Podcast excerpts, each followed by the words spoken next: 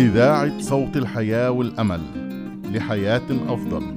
AWR 360 هاتف زائد واحد اثنين أربعة صفر تسعة صفر صفر تسعة تسعة تلاتة تسعة.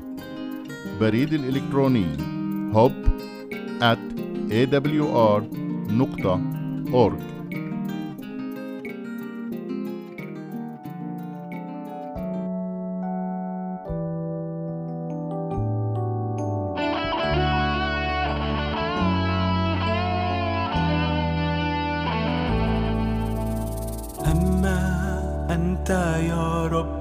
سيدي. فاصنع معي من أجل اسمك. فإني فقير ومسكين أنا وقلبي مجروح في داخلي. أما أنت يا ربي سيدي. فاصنع معي من أجل اسمك. فإني فقير ومسكين أنا وقلبي مجروح في داخلي. لأن رحمتك طيبة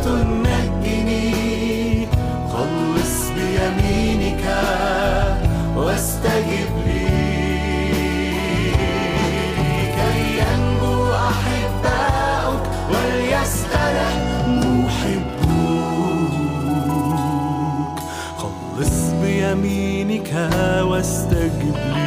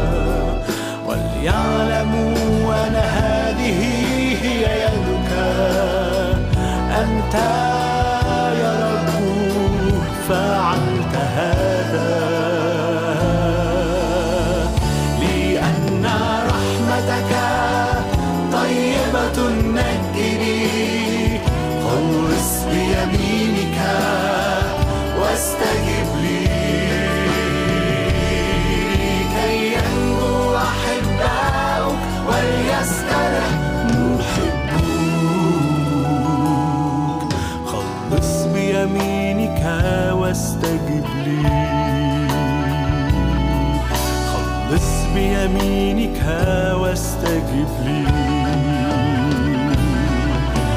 خلص بيمينك واستجب لي.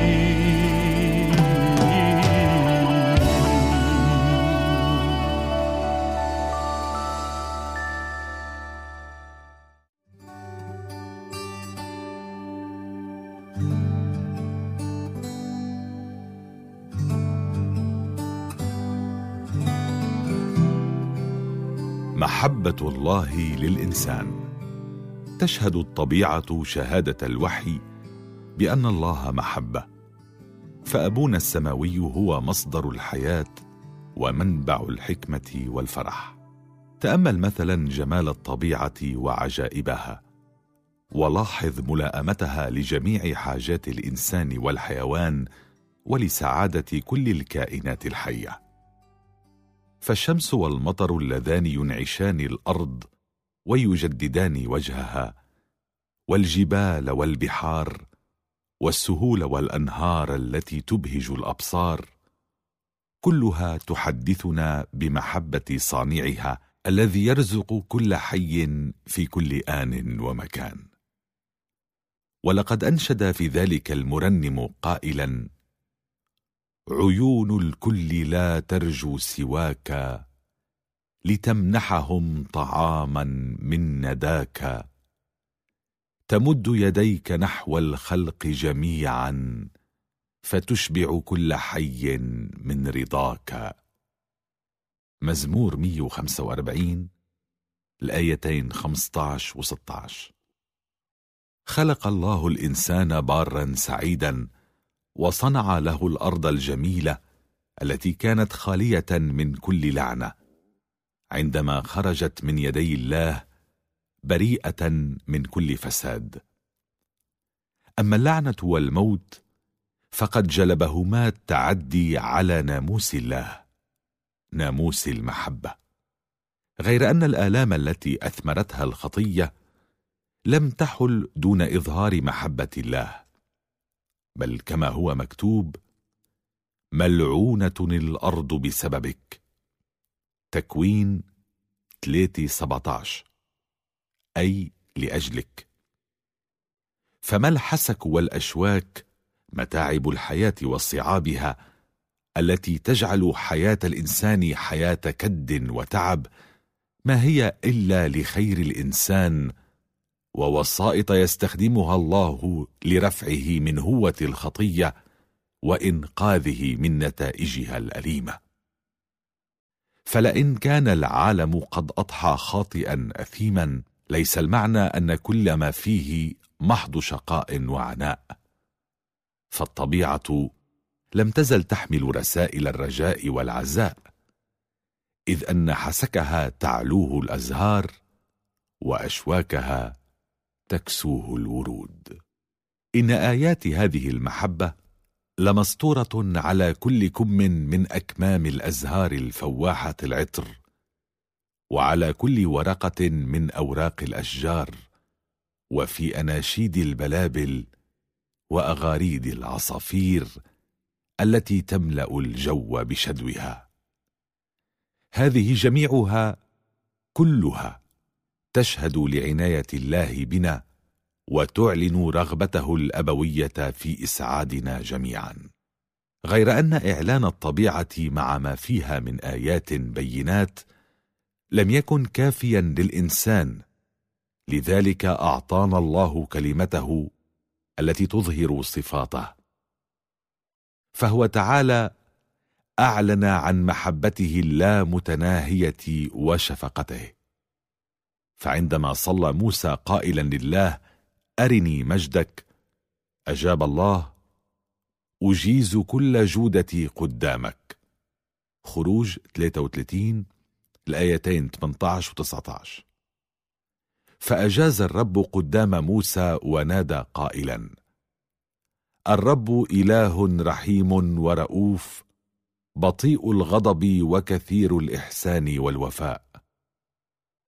حافظ الإحسان إلى ألوف غافر الإثم والمعصية والخطية. خروج 34 الآيتين 6 و 7 ثم بقوله للنبي يونان لأنه بطيء الغضب وكثير الرحمة. يونان أربعة الآية 2 وأيضا للنبي ميخا فإنه يسر بالرأفة.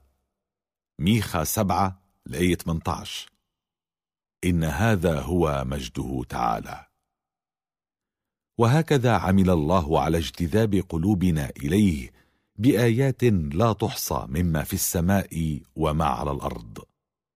فقد جرب أن يعلن ذاته لنا في الطبيعة وبانتسابه إلينا بأعز روابط القربى وأوثقها.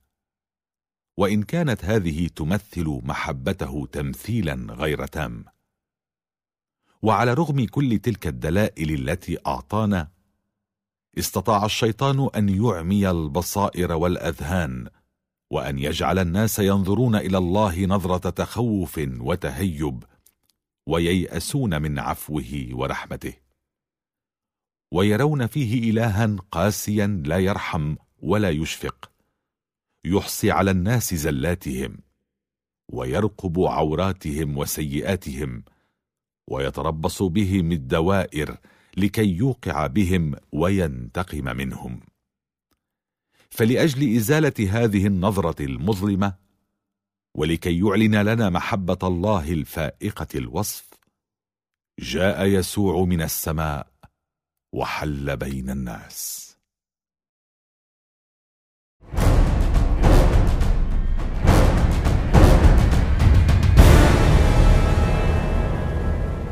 إذاعة الحياة والأمل AWR 360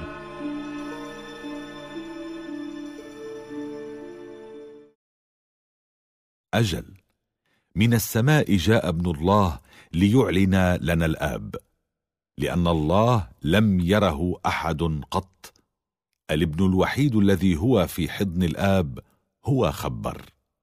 يوحنا واحد الآية 18 ولا أحد يعرف الآب إلا الابن ومن أراد الابن أن يعلن له. متى 11 الآية 27 وحين سأله أحد تلاميذه قائلا يا سيد أرنا الآب وكفانا. أجاب يسوع أنا معكم زمانا هذه مدته ولم تعرفني يا فيلبس الذي رآني فقد رأى الآب. فكيف تقول أنت أرنا الآب؟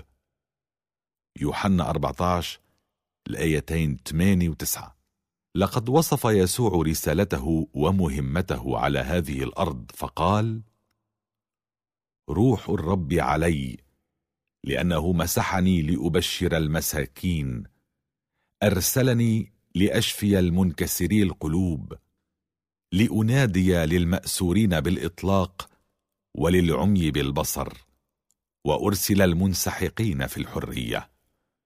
لوقا أربعة الآية 18 هذا كان عمله. فجال يصنع خيرا ويشفي جميع المتسلط عليهم إبليس. أعمال عشرة الآية 38 فكم من قرى عمها البر والبر وكم من ضياع نالت الشفاء والعافية لأن يسوع كان قد اجتاز في وسطها فشفى مرضاها وتحنن على صرعاها. فحيثما سار يسوع ابن الإنسان سارت في ركابه المحبة والرحمة والحنان وكفى شاهدا على حبه وعطفه أنه قد اتخذ طبيعتنا وصار مثلنا في كل شيء ما عدا الخطية. مما شجع الخطاة المنبوذين على الدنو منه والتحدث إليه. وجعل الصغار يلتفون حوله ويأنسون به ويتفرسون فيما يبدو على محياه من علامات الجد والاهتمام ودلائل الحب والإنعام. لقد حرص يسوع على أن يعلن الحق كله دون أن يكتم منه شيئا أو يخشى فيه لومة لائم ولكنه فعل ذلك دوما بروح المحبة. وكان في مخالطته الناس يوليهم أكبر جانب من عنايته واهتمامه ويراعي معهم كل ما تقتضيه واجبات اللياقة واللباقة. فما عامل أحدا بالغلظة قط ولا تفوه بكلمة موجعة. ولا عمل على إيلام مخلوق بدون داع أو موجب. ولا راقب زلات العباد وسقطاتهم. ومع ذلك فإنه لم يتردد قط في مكاشفة الناس بالحقيقة في صراحة وشجاعة منذرا إياهم في ترفق ووداعة فقد نعى على الناس نفاقهم ودان عدم إيمانهم وآثامهم. ولكنه كان دائما يمزج تحذيراته وتوبيخاته بدموعه وعبراته. ومن ذلك أنه بكى على أورشليم المدينة التي أحبها مع أنها لم تقبله وهو الطريق والحق والحياة. ولقد عامل قومه بكل رفق وحنان مع أنهم رفضوه فرفضوا بذلك عونهم وخلاصهم. اتسمت حياته بنكران الذات والرعاية المضحية للآخرين. وكان مع ما له من العزة الربانية والكرامة الإلهية ينظر إلى كل مخلوق ينتمي إلى أسرة الله بعين الإكبار والاعتبار لأن كل نفس من نفوس العباد كانت حبيبة إليه عزيزة عليه. بل كان يتطلع هو إلى كل إنسان فيرى فيه نفسا ثمينة قد أوكل إليه من في السماء أمر تخليصها وإنقاذها. تلك هي صفات المسيح كما تجلت في حياته وهي بعينها صفات الآب تعالى. فإنه من قلب الله تدفقت جداول المراحم الإلهية لبني البشر بواسطة المسيح. فيسوع الرؤوف العطوف إنما هو الله قد ظهر في الجسد. تيموثاوس الأولى 3 الايه 16 صوت إذاعة الحياة والأمل AWR 360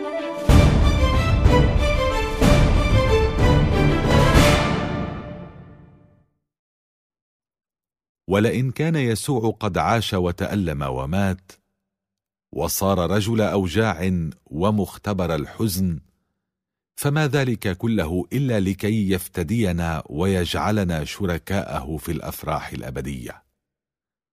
وهكذا سمح الله تعالى بأن ينزل ابنه الحبيب مملوءا نعمة وحقا من عالم المجد الفائق إلى عالم ملوث بالإثم.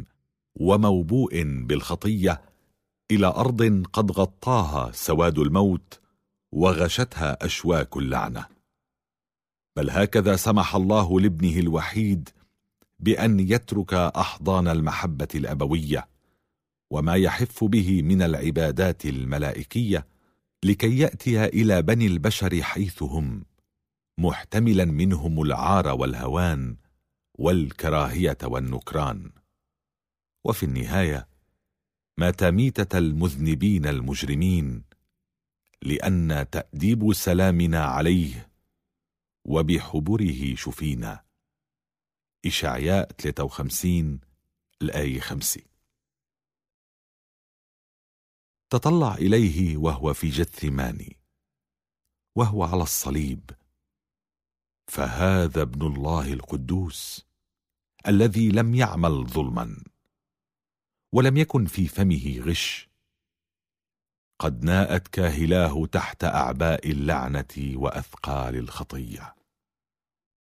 ثم انظر إليه ثانية. فترى ابن الله الذي كان في اتحاد تام مع الآب وقد أصبح يشعر بتلك العزلة الرهيبة والهوة السحيقة التي تفصل الإنسان الخاطئ عن الله. مما جعله يصرخ صرخة متألم متوجع قائلا إلهي إلهي لماذا تركتني؟ متى 27 الآية 46 إن شعوره بفداحة عبء الخطية وإدراكه لهول جرمها وإحساسه بانفصام عرى الشركة بين النفس والله كانت هي الأمور التي عملت على سحق قلب ابن الله الحبيب. على أن هذه التضحية العظمى لم يأتها الابن ليخلق في قلب الآب محبة للإنسان ولم يقصد بها أن يجعل عند الآب الرغبة في العمل على خلاص الإنسان. كلا لأنه هكذا أحب الله العالم حتى بذل ابنه الوحيد. يوحنا 3 الآية 16 فالكفارة إذن لم تكن هي علة المحبة التي أحبنا بها الآب. وإنما الآب أحبنا فأعد لنا الكفارة. وكان المسيح هو الواسطة التي بها سكب الله محبته على عالم قد ضل وهوى. إذ أن الله كان في المسيح مصالحا العالم لنفسه. كورنثوس الثانية خمسة الآية 19 ففي الآلام التي جاز فيها في بستان جثماني وعلى صليب العار في جلجثة تألم الآب مع ابنه ودفعت المحبة ثمن فدائنا غاليا. وليس أدل على محبة الآب لنا مما نطق به يسوع نفسه في قوله لهذا يحبني الآب لأني أضع نفسي لآخذها أيضا. يوحنا عشرة الآية 17 فكأني به يقول لقد أحبكم أبي للدرجة التي زادت محبته لي وتقديره إياي لكوني قد بذلت حياتي لأفتديكم طائعا مختارا. ورضيت بأن أكون بديلكم وكفيلكم بتسليم حياتي حاملا ذنوبكم وموفيا ديونكم. لأنه بفضل ذبيحة الفدائية وأعمال الكفارية أمكن الله تعالى أن يكون بارا ويبرر من هو من الإيمان بيسوع. رومي 3 الآية 26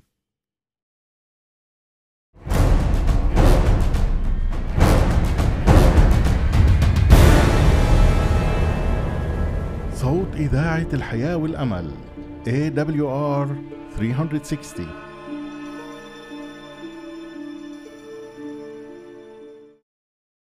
لم يستطع أن يفدينا غير ابن الله. إذ لم يقدر أن يعلن الله غير الذي كان في حضنه الذي وحده استطاع أن يظهر محبته لأنه عاش عمقها وبلغ ذراها. لا شيء أقل من الذبيحة اللامتناهية التي قام بها المسيح لأجلنا. يمكن أن تعبر عن محبة الآب للبشرية الهالكة لأنه هكذا أحب الله العالم. حتى بذل ابنه الوحيد.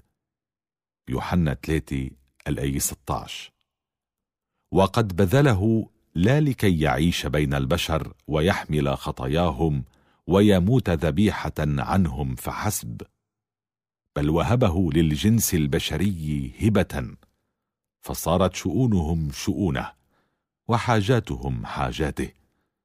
فالذي هو واحد مع الآب ارتبط بالبشرية ارتباطا وثيقا جدا. فهو لا يستحي أن يدعوهم إخوة. عبرانيين 2 الآية 11 لأنه هو ذبيحتنا. بل شفيعنا. بل أخونا. يحمل صورتنا كابن الإنسان. وهو على عرش الآب. فهو إلى الأبد واحد مع الجنس الذي فداه بدمه.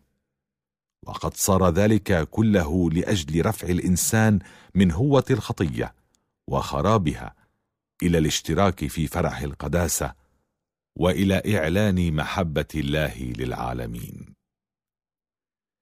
إن ثمن فدائنا الذي دفع أي تضحية أبينا السماوي اللامحدودة في بذل ابنه ليموت لأجلنا يجب أن يمنحنا ادراكا أسمى لما قد نصبح عليه في المسيح. فالرسول الملهم يوحنا الحبيب إذ أدرك شيئا من علو محبة الله وعمقها وعرضها امتلأ بالهيبة والوقار وعجز عن إيجاد كلمات بها يعبر عن عظمة هذه المحبة لجنس هالك. فدعا الجميع للتأمل فيها قائلا انظروا أية محبة أعطانا الآب حتى ندعى أولاد الله. يوحنا الأولى 3 الآية واحد. فما أعظم مقام الإنسان نتيجة لهذا الفداء. فبنو الإنسان الذين قد صاروا بالمعصية رعايا إبليس يصيرون بالإيمان بذبيحة المسيح الكفارية أبناء الله. بتجسده رفع يسوع شأن البشرية. وجعل الخطاة الهالكين في مركز يستحقون فيه اللقب السامي العظيم. أولاد الله. إن هذه المحبة منقطعة النظير. أن نكون أولادا لملك السماء. إنه لوعد ثمين وعهد كريم. وموضوع يستحق التأمل العميق. موضوع محبة الله القدير لعالم لم يحبه. إن لهذه الفكرة إذا استغرق المرء فيها قوة على إخضاع النفس وقدرة على استئثار الذهن لإرادة الله لأن التأمل في صفات الله في ضوء الصليب ليعلن لنا الرحمة والشفقة والمغفرة متحدة بالعدالة والبر والقداسة. وليجلو لنا آثار حب لا حد له يفوق محبة الأم وحنانها على ولدها التائه الشريد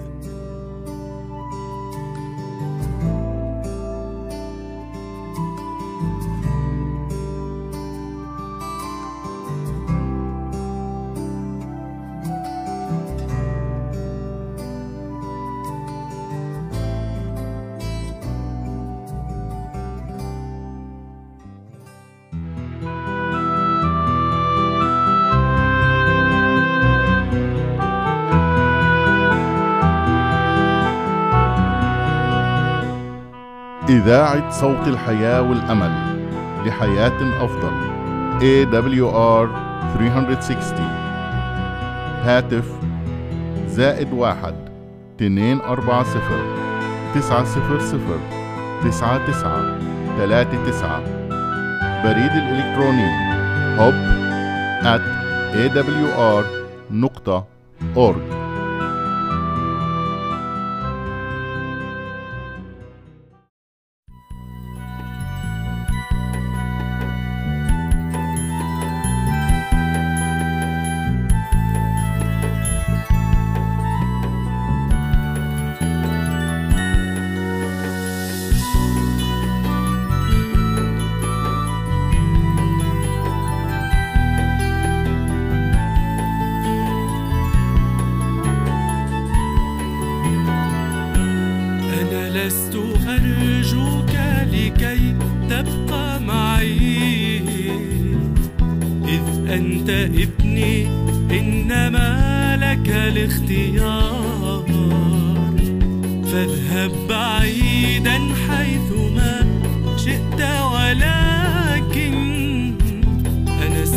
أبقى ها هنا في الانتظار.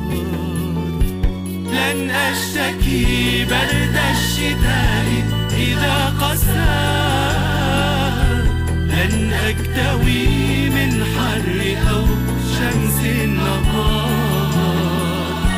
حتى وإن أنكرت حبي طالبا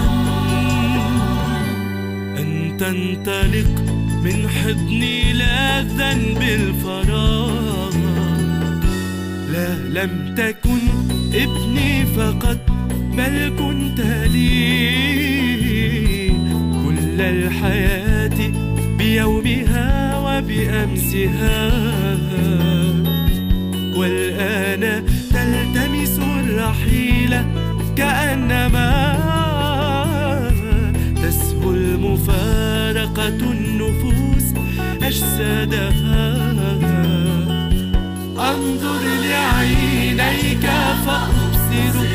عزمها وتروح عيناك تخالب دمعها. إذ كيف أمنع عنك شر تجربها؟ إذا كنت أنت تحبها وتريدها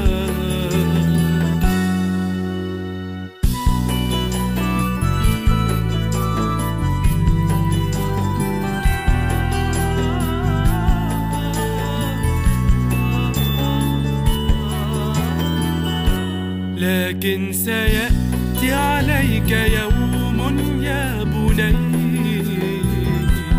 فيه ستستجدي وتلتمس الصديق.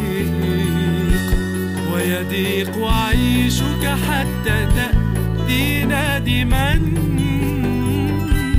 ولسوف ترجع آخذا نفس الطريق. إن قلبك لن يكون كعهده.